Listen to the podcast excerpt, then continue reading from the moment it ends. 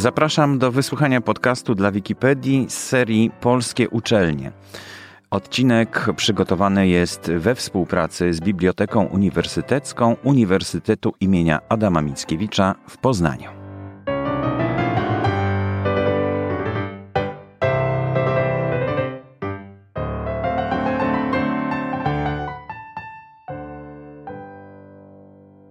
Nazywam się Andrzej Jazdan, z wykształcenia jestem muzykologiem.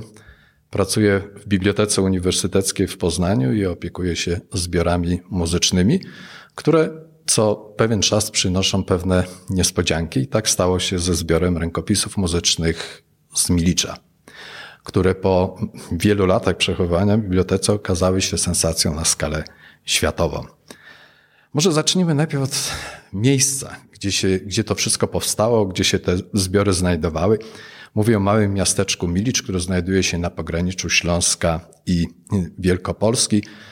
Mała miejscowość, ale znana już od wczesnego średniowiecza.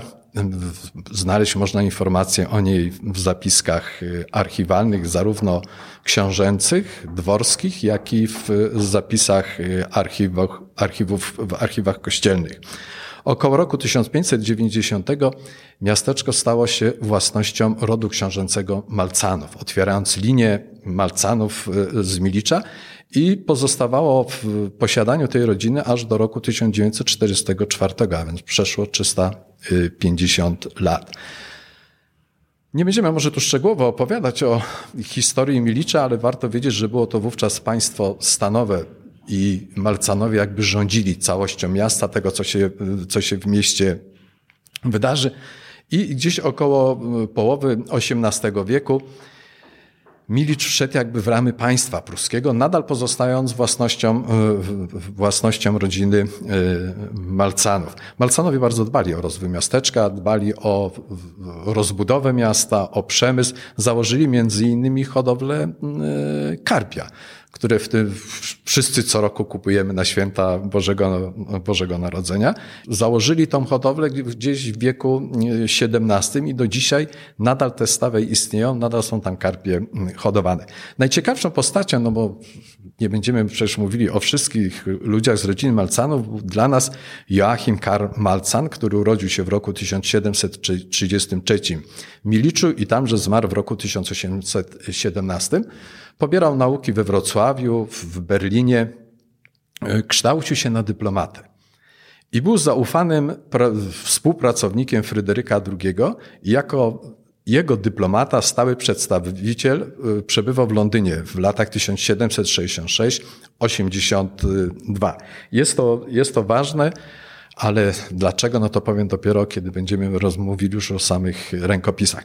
Po powrocie do e, Milicza, najpierw mieszkał we Wrocławiu, roz, rozbudował w tym czasie pałac w Miliczu, zbudował nowy właściwie pałac, pałac w stylu klasycystycznym gdzie w osobnym skrzydle znajdowała się y, biblioteka. To jest ważne i to trzeba podkreślić, bo dzięki temu, że znajdowała się w osobnym skrzydle, ocalała w roku 1944.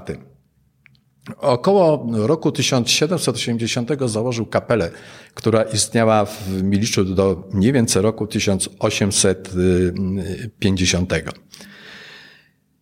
W roku 1944, kiedy miasto zostało zdobyte mm, przez Rosjan, pałac został splądrowany, ale biblioteka ocalała. To były takie czasy, że biblioteki państwowe typu biblioteka właśnie uniwersytecka przejmowały wszystkie porzucone księgozbiory. I między innymi bibliotekarze z Poznania pojechali do Milicza. Cały ten księgozbiór, wówczas liczący kilka tysięcy tomów, przewieźli do Poznania. Jeżeli byśmy przeglądali sprawozdanie z tego wyjazdu, można odnaleźć tam taką informację, że przywieziono też paczkę nut. Związa związaną paczkę nut. Tego nie było dużo i y, nuty trafiły, trafiły do, naszych, y, do naszych zbiorów i tutaj powoli były y, opracowywane. I w roku 2015 zwróciła się do mnie studentka z muzykologii poznańskiej, pani Sonia Wronkowska, warto podkreślić, wymienić nazwisko, bo to ona jest jakby sprawczynią tej, tego y, odkrycia. Poprosiła mnie o wskazanie jakiegoś materiału, który mogła, o którym mogłaby napisać pracę magisterską. I wówczas, wówczas dałem jej do rąk taki zbiór utworów na wiole da gamba, mówiąc, że pochodzi on z Milicza, że jest bardzo interesujący i pani Wronkowska rozpoczęła badania. I okazało się, że ten zbiór liczący kilkadziesiąt stron jest y, wielką sensacją, wielkim odkryciem. I głośno zrobiło się o Miliczu, głośno zrobiło się o tych zbiorach. Do tej pory znaleźliśmy, y, odkryliśmy ponownie w, w, bibliotece, w muzykaliach 36 y, rękopisów muzycznych, które pochodzą właśnie z tej miejscowości. I wśród tych, wśród tych materiałów znalazły się między innymi utwory, utwory Karla Friedricha Abla. Skąd one się znalazły w Miliczu? Y, Malcan, będąc stałym przedstawicielem, stałym posłem w Londynie, był też, on był też z wykształcenia muzykiem, grywał. I prawdopodobnie tam spotkał Karla Friedricha Abla. Karl Friedrich Abel to był muzyk urodzony w Niemczech, który z powodu wojen trwających y, na terenie Niemiec, tak jak wielu muzyków y, z tamtych terenów, przeniósł się do Londynu. Tam w Londynie spotkał y, Johanna Christiana Bacha, syna Jana Sebastiana Bacha i razem założyli towarzystwo muzyczne, które organizowało koncerty. To są właściwie pierwsze takie y, towarzystwo, które organizowało koncerty dla mieszkańców jakiegoś miasta, no w tym wypadku Londynu. Tam się właściwie to życie koncertowe, tak jak je znamy w tej chwili, tam się y, rozpoczęło. I Malcan prawdopodobnie poznał, poznał Abla i po śmierci Abla, co nastąpiło w roku 1787, Malcan jeszcze był wówczas w Londynie, nabył całą jego spuściznę muzyczną, przewiózł ją do, do Milicza. I w tym zbiorze, który jest unikatowy, chociażby z tego powodu, że znajdują się tam utwory Abla nieznane, odkryte, nigdy nie wykonywane, znajduje się też jeden utwór właśnie Johanna Christiana Bacha, E, nieznany. Są też utwory takich kompozytorów jak Gór, Jirowec, Lidl, Stich. To są nazwiska, które nam w tej chwili nic nie mówią. Ale to byli ludzie, którzy tworzyli tworzyli kulturę muzyczną pod koniec XVIII, na początku XIX wieku. Może nam, dla nas najbliższe jest nazwisko Wojtecha Jiroweca. Jest on znany w historii muzyki. Oczywiście muzykolodzy wiedzą, że on napisał symfonię, pisał koncerty. Ale dla nas, dla Polaków jest może ważny dlatego, że młody Fryderyk Chopin Pierwszy koncert publiczny wykonał właśnie koncert fortepianowy Wojtecha Jiroweca. To są takie drobiazgi, ale one ubarwiają naszą historię, historię, historię naszej y, kultury. Zbiór, któryśmy dostali, jest też unikatowy y, ze względu na instrumentarium, na jakie jest przeznaczone. Malcan grał na violi da gamba. W, na początku, koniec XVIII, początek XIX wieku, właściwie viola da gamba już nie była używana, już były nowsze instrumenty, już były wiolonczele. On mimo wszystko grał na tym instrumencie, na ten instrument sam pisał utwory i dla niego Abel pisał utwory przeznaczone na ten instrument. To już właściwie była taka epoka schyłkowa. Ale yy, zachowały się, zachowały się utwory właśnie na Viole da Gamba, odmiany Violi da Gamba, Viole d'Amore i co ciekawe, także na Waltornie. W Miliczu przebywał prawdopodobnie taki muzyk o y, nazwisku Punto. To jest właściwie jego, jego pseudonim. To był pierwszy nowo, muzyk grający nowocześnie na Waltorni. Dla niego między innymi Ludwig van Beethoven pisał sonatę, napisał dla niego sonatę na fortepian i na róg i, i na, na fortepian. To są, ci muzycy wędrowali wówczas po Europie, byli bardzo znani, zapraszano ich, a Malcanowie płacili im duże pieniądze za to, żeby przebywali w Miliczu i spowodowali, że Milicz stał się taką, takim znanym miejscem, gdzie ci muzycy przyjeżdżali, bo wiedzieli, że tam znajdą z jednej strony opiekę, z drugiej strony będą mogli zarobić pieniądze i wiedzieli, że ta muzyka jest ciągle, ciągle grana. No niestety tak się stało, że jeden z wnuk, który odziedziczył, odziedziczył y, Milicz, niestety y, nie był muzykiem. Spowodował, że kapelę, kapelę zlikwidowano, zbiory y, trafiły do gdzieś pewno w kąt biblioteki i teraz ponownie są odkrywane. Całość tych zbiorów, no w sumie to jest niewiele, no bo to jest tylko 30 parę rękopisów. No mam nadzieję, że uda się jeszcze może zidentyfikować jeden czy drugi rękopis, ale nie przejrzeliśmy jeszcze druków muzycznych. A tych druków muzycznych biblioteka posiada w tej chwili około 50 tysięcy. I trzeba, to polega na tym, że niestety trzeba wyjmować z pudeł nuty po kolei i sprawdzać. Na razie znaleźliśmy kilka podpisanych przez y, książąt Malca, im dedykowanych i z, ze stemplem zawierającym herb Malcanów. Mam nadzieję, że tych utworów y, uda się znaleźć y, trochę więcej. Całość, jest, całość tych zbiorów jest doskonałym źródłem do poznania historii i kultury Śląska. My ten Śląsk Dolny właściwie teraz na nowo odkrywamy. No, chociażby nasza noblistka ostatnio o tym mówiła, że musimy odkryć historię Dolnego Śląska. Tą historię właśnie z XIX y, wieku. I te zachowane partytury obok y, takich dużych kolekcji z Oleśnicy i Cieplic y, Śląska, Cieplic Śląskich Zdroju, mhm, mhm. one należą w tej chwili do największych zbiorów po kapelach działających na mm, Śląsku.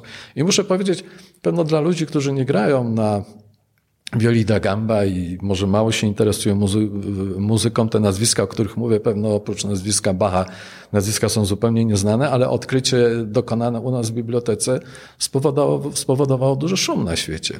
Między innymi wydawnictwo, e, wydawnictwo Guntersberg z Niemiec opublikowało, rozpoczęło publikację serii e, Malzahn Sammlung i do tej pory ukazało się 10 zeszytów, które zawierają utwory Abla, odkryte, e, odkryte właśnie u nas.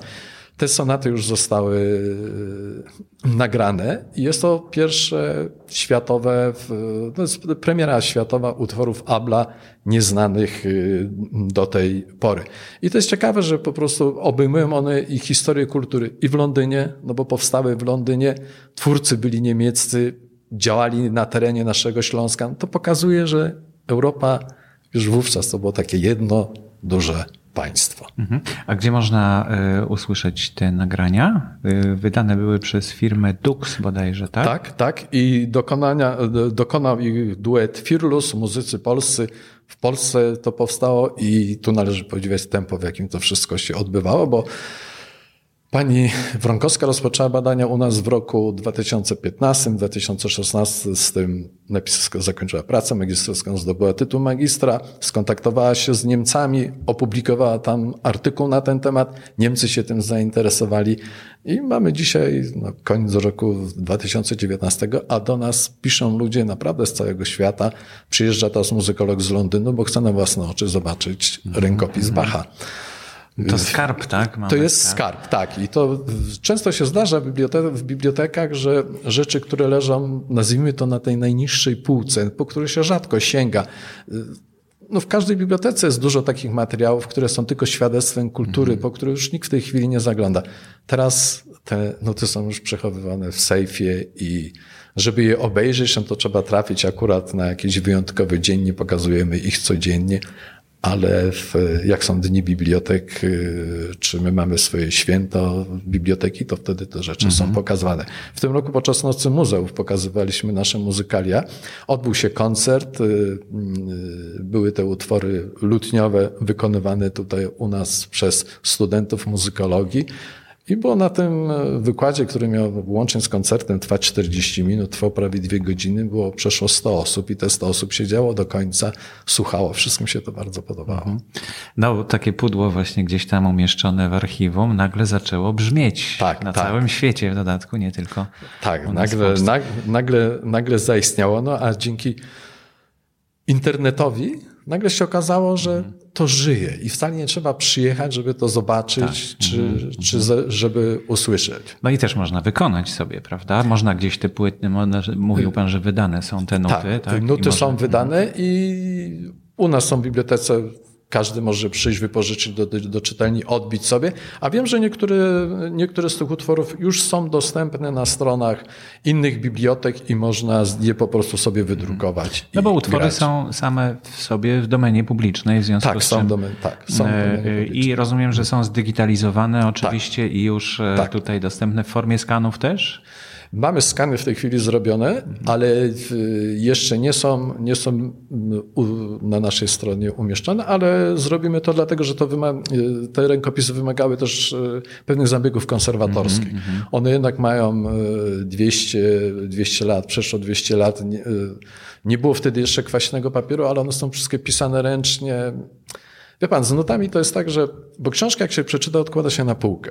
A jeżeli się kupuje nuty, stawia się je na fortepianie, czy kłada się tam, składa się na jakimś pulpicie i się gra, długo one są przewracane, oglądane i nut y, w porównaniu z innymi wydawnictwami, przecież nuty wydawano tak samo jak książki, mhm. ale relatywnie znacznie mniej się zachowało, dlatego one są jakby trudniej dostępne.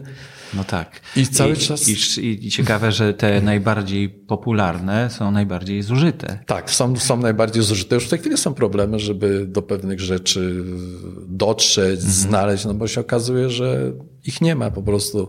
To tak jak czasem jak z ulotkami, prawda? Zgniecie tak, się, tak, i, się, i wyrzucicie. Z większym szacunkiem ludzie, y, ludzie podchodzą do książek na przykład, prawda? Mhm. Są droższe, czy nie wiem, no bo nuty same w sobie też są dosyć drogie, ale nie ma takiej tradycji, takiego szacunku, przechowywania. No rzadko są biblioteki złożone tylko z samych nut. One, nuty mają zawsze taki użytkowy, użytkowy charakter. No i bądźmy szczerze, najczęściej to amatorzy z tego korzystają. Znaczy najczęściej, no najwięcej amatorzy z tego korzystają, prawda? Bo wybitnych muzyków jest kilku, a tych amatorów jest znacznie więcej. No przecież pierwodruki Chopina w tej chwili ceny y, na aukcjach są naprawdę takie wysokie, że nas na przykład jako biblioteki nie stać na to, żeby kupić pierwodruk. Ja nie mówię już o rękopisie, bo to są ceny astronomiczne. Astronomiczne, mhm. tak, tak. Jeszcze o jedno chciałem zapytać, bo Milicz to przecież blisko Wrocławia. Tam jest Biblioteka Osolińskich. Dlaczego te zbiory nie trafiły tam, tylko tutaj do Poznania? To znaczy, jakaś ekspedycja się wybrała z tak. Poznania, tak? Tak, tak to można nazwać. No wie pan, Wrocław w, po wojnie przychodził sam ciężkie, ciężkie chwile i w, u nas już istniała biblioteka uniwersytecka. Mhm, tam się I, dopiero tworzyła. A tam się dopiero uniwersytet tworzył. W tej chwili, jeśli byśmy porównali zbiory muzyczne, ale nie mówię o nutach współczesnych, tylko o tych starych, zbiory muzyczne Poznania Wrocławia, to z żalem muszę stwierdzić, że i z zazdrością, że Wrocław ma znacznie ciekawszy. Mm, mm. Bo tam we Wrocławiu byli ludzie, którzy, mm, było kilku kolekcjonerów. Były w e, kapele, kapele mm. przy kościołach na przykład protestanckich. I to wszystko weszło do zbiorów Biblioteki Uniwersyteckiej we Wrocławiu. Oni jakby mieli gdzie gromadzić z tych swoich. A z Poznania jeździli Niemcy, Niemcy po prostu w, uważali Wielkopolskę za dosyć spokojną i w kilku miejscach założyli takie centra, gdzie zwożono te książki. W Poznaniu w kościele świętego Michała na Stolarskiej i w kościele na Śródce na przykład. Były dwa takie miejsca, gdzie zwożono książki. Myśmy te książki potem, to profesor Aleksander Birkenmeier tym kierował. Przeniesiono te książki do nas do biblioteki. Jeżdżono po, jeżdżono po dworach, po pałacach, wysyłano bibliotekarzy. Mnóstwo tych książek w międzyczasie zaginęło. Milicz miał szczęście, że po prostu tam były niewielkie straty. Te książki zwożono do Poznania. Potem w latach 50., 60. wprowadzano je do zbiorów. No niestety z przykrością musimy stwierdzić, była jakby inna polityka gromadzenia. Jeżeli już dana książka była, a miała na przykład, a to, co przywieziono, miało ciekawą proweniencję, mhm. to to z ciekawą proweniencją nie wchodziły do zbiorów. One po prostu były przekazywane do innych bibliotek, do antykwariatów. Mhm. Także te wielkie biblioteki, które, czy w ogóle podworskie biblioteki, one częściowo uległy rozproszeniu. Jeżeli bibliotekarze zdążyli przed y, wojskiem, przed ludnością cywilną, no to wtedy, to wtedy to wszystko przyjeżdżało e, do nas. No w tej chwili, e, w tej chwili była taka konferencja w Poznaniu Książka i Wojna, gdzie mówiono o tych zagubionych księgozbiorach. Mm. Ja między innymi mówiłem o bibliotece Schobienis. To była taka mała, mała biblioteka w dworze należącym do Milżyńskich. Ale to był taki dwór, gdzie oni nie spędzali całego swojego, tylko tam jeździli na lato, rzadziej, to taka boczna, bocz, boczna linia Milżyńskich. I my mamy w naszych zbiorach kilkadziesiąt książek. I kiedy ja o tym mówiłem, że ten cały, nie, tam nie był duży księgozbiór, nie wiemy do końca jak był duży. Księgozbiór zaginął, to w momencie, kiedy ja o tym mówiłem, dostałem telefon, zadzwonił pan, który ma te książki u siebie domu. I teraz będziemy pertraktować te książki przywozi, przywozić, ale to też nie jest... W Chobienicach, tak? W Chobienicach, mhm. tak. To z tak, tak, robiliśmy tam, tak, robiliśmy tam z Wikipedią e, ekspedycję też, e, tak? bo tam się odbywa takie święto, które już nie pamiętam jak to się jak to święto się nazywa. W każdym razie byliśmy tam, dokumentowaliśmy z Muzeum Etnograficznym mm -hmm. we współpracy. Myśmy, myśmy po prostu, bo wie pan, ja w, jak weszła ustawa o Narodowym Zasobie Bibliotecznym, podjąłem się w bibliotece przejrzeć książki, które do tego mhm. Narodowego Zasobu wejdą. Czyli myśmy tu w naszym wypadku to był cały XIX wiek do roku 1948. No tak. Wszystko, co jest poznańskie, wielkopolskie i wszystko, co ma ciekawą proweniencję. I ja no, tu, tu, się chwalę, ale w ciągu kilku lat przejrzałem wszystkie książki w bibliotece. Mhm. Oprócz nowości, wyciągałem i oglądałem. I zwróciłem uwagę na taki stempel Piask, Antoni Piaskowski, Grodzic Wielkopolski. Potem doszedłem do tego, że to są książki z Chobienic. A teraz zgłosił się do mnie potomek pana Antoniego Piaskowskiego, dowiedziawszy się, że ja go szukam, mm -hmm. zgłosił się i powiedział, że on ma jeszcze te książki, y, książki pozostałe, mm -hmm. tam jest, tam jest chyba 200 książek no, z tej Może po dzisiejszej audycji też ktoś się zgłosi do pana tutaj z jakimiś zbiorami My ciekawymi. naprawdę, jeżeli ktoś ma, ktoś ma stare nuty, stare książki, to nim je wyrzucić, to naprawdę dobrze by było, dobrze by było żeby przyszedł do nas. Mhm. I czasami się takie rzeczy, rzeczy zdarzają. Przyszła kiedyś pani, mówi, że to są takie gryzmoły, ale ksiądz proboszcz jej powiedział, żeby przyjechała do, bo przyjeżdżała do Poznania, przyniosła do biblioteki.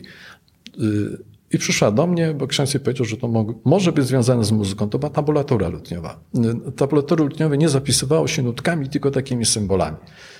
I okazało się, że to jest... Gryzmołami. Gryzmołami, tak, gryzmołami. Jakbym to panu pokazał, to pan zobaczy, że to naprawdę są gryzmoły. To jest tabulatura lutniowa z 1685 mm. roku, którą we wschowie miał jakiś rzemieślnik, bo do tego żeśmy, żeśmy doszli. Jedna z najcenniejszych tabulatur, jakie się w Polsce, a tych rzeczy jest naprawdę bardzo mało. My mając dwie tabulatury chwalimy się, że mamy dużo.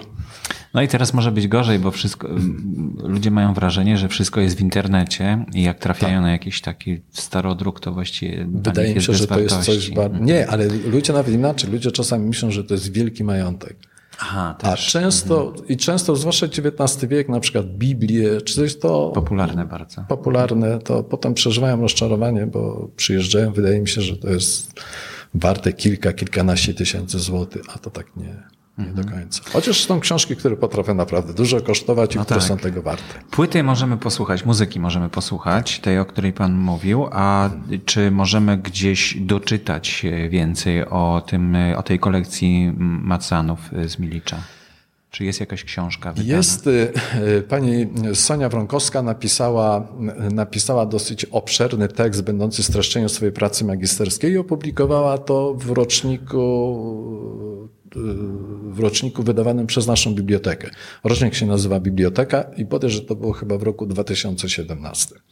I w tym hmm. roczniku jest, jak się wejdzie na sen, tak, w katalogu się to znajdzie i tam są najważniejsze informacje, no bo w pracy magisterskiej jest dużo takich informacji typowo muzykologicznych, to jakby mhm, mogą, mogą interesujących się historią nie do końca interesować, a, a te najważniejsze informacje na temat właśnie rodziny Malcamów, Milicza, tego zbioru, biografii Abla, Bacha, mhm. pozostałych kompozytorów, te wszystkie są bardzo rzeczowo przez panią Mrokowską zebrane. Świetnie. To bardzo dziękuję w takim razie za, ja również, za ten wykład wspaniały. Dziękuję również bardzo. dziękuję bardzo.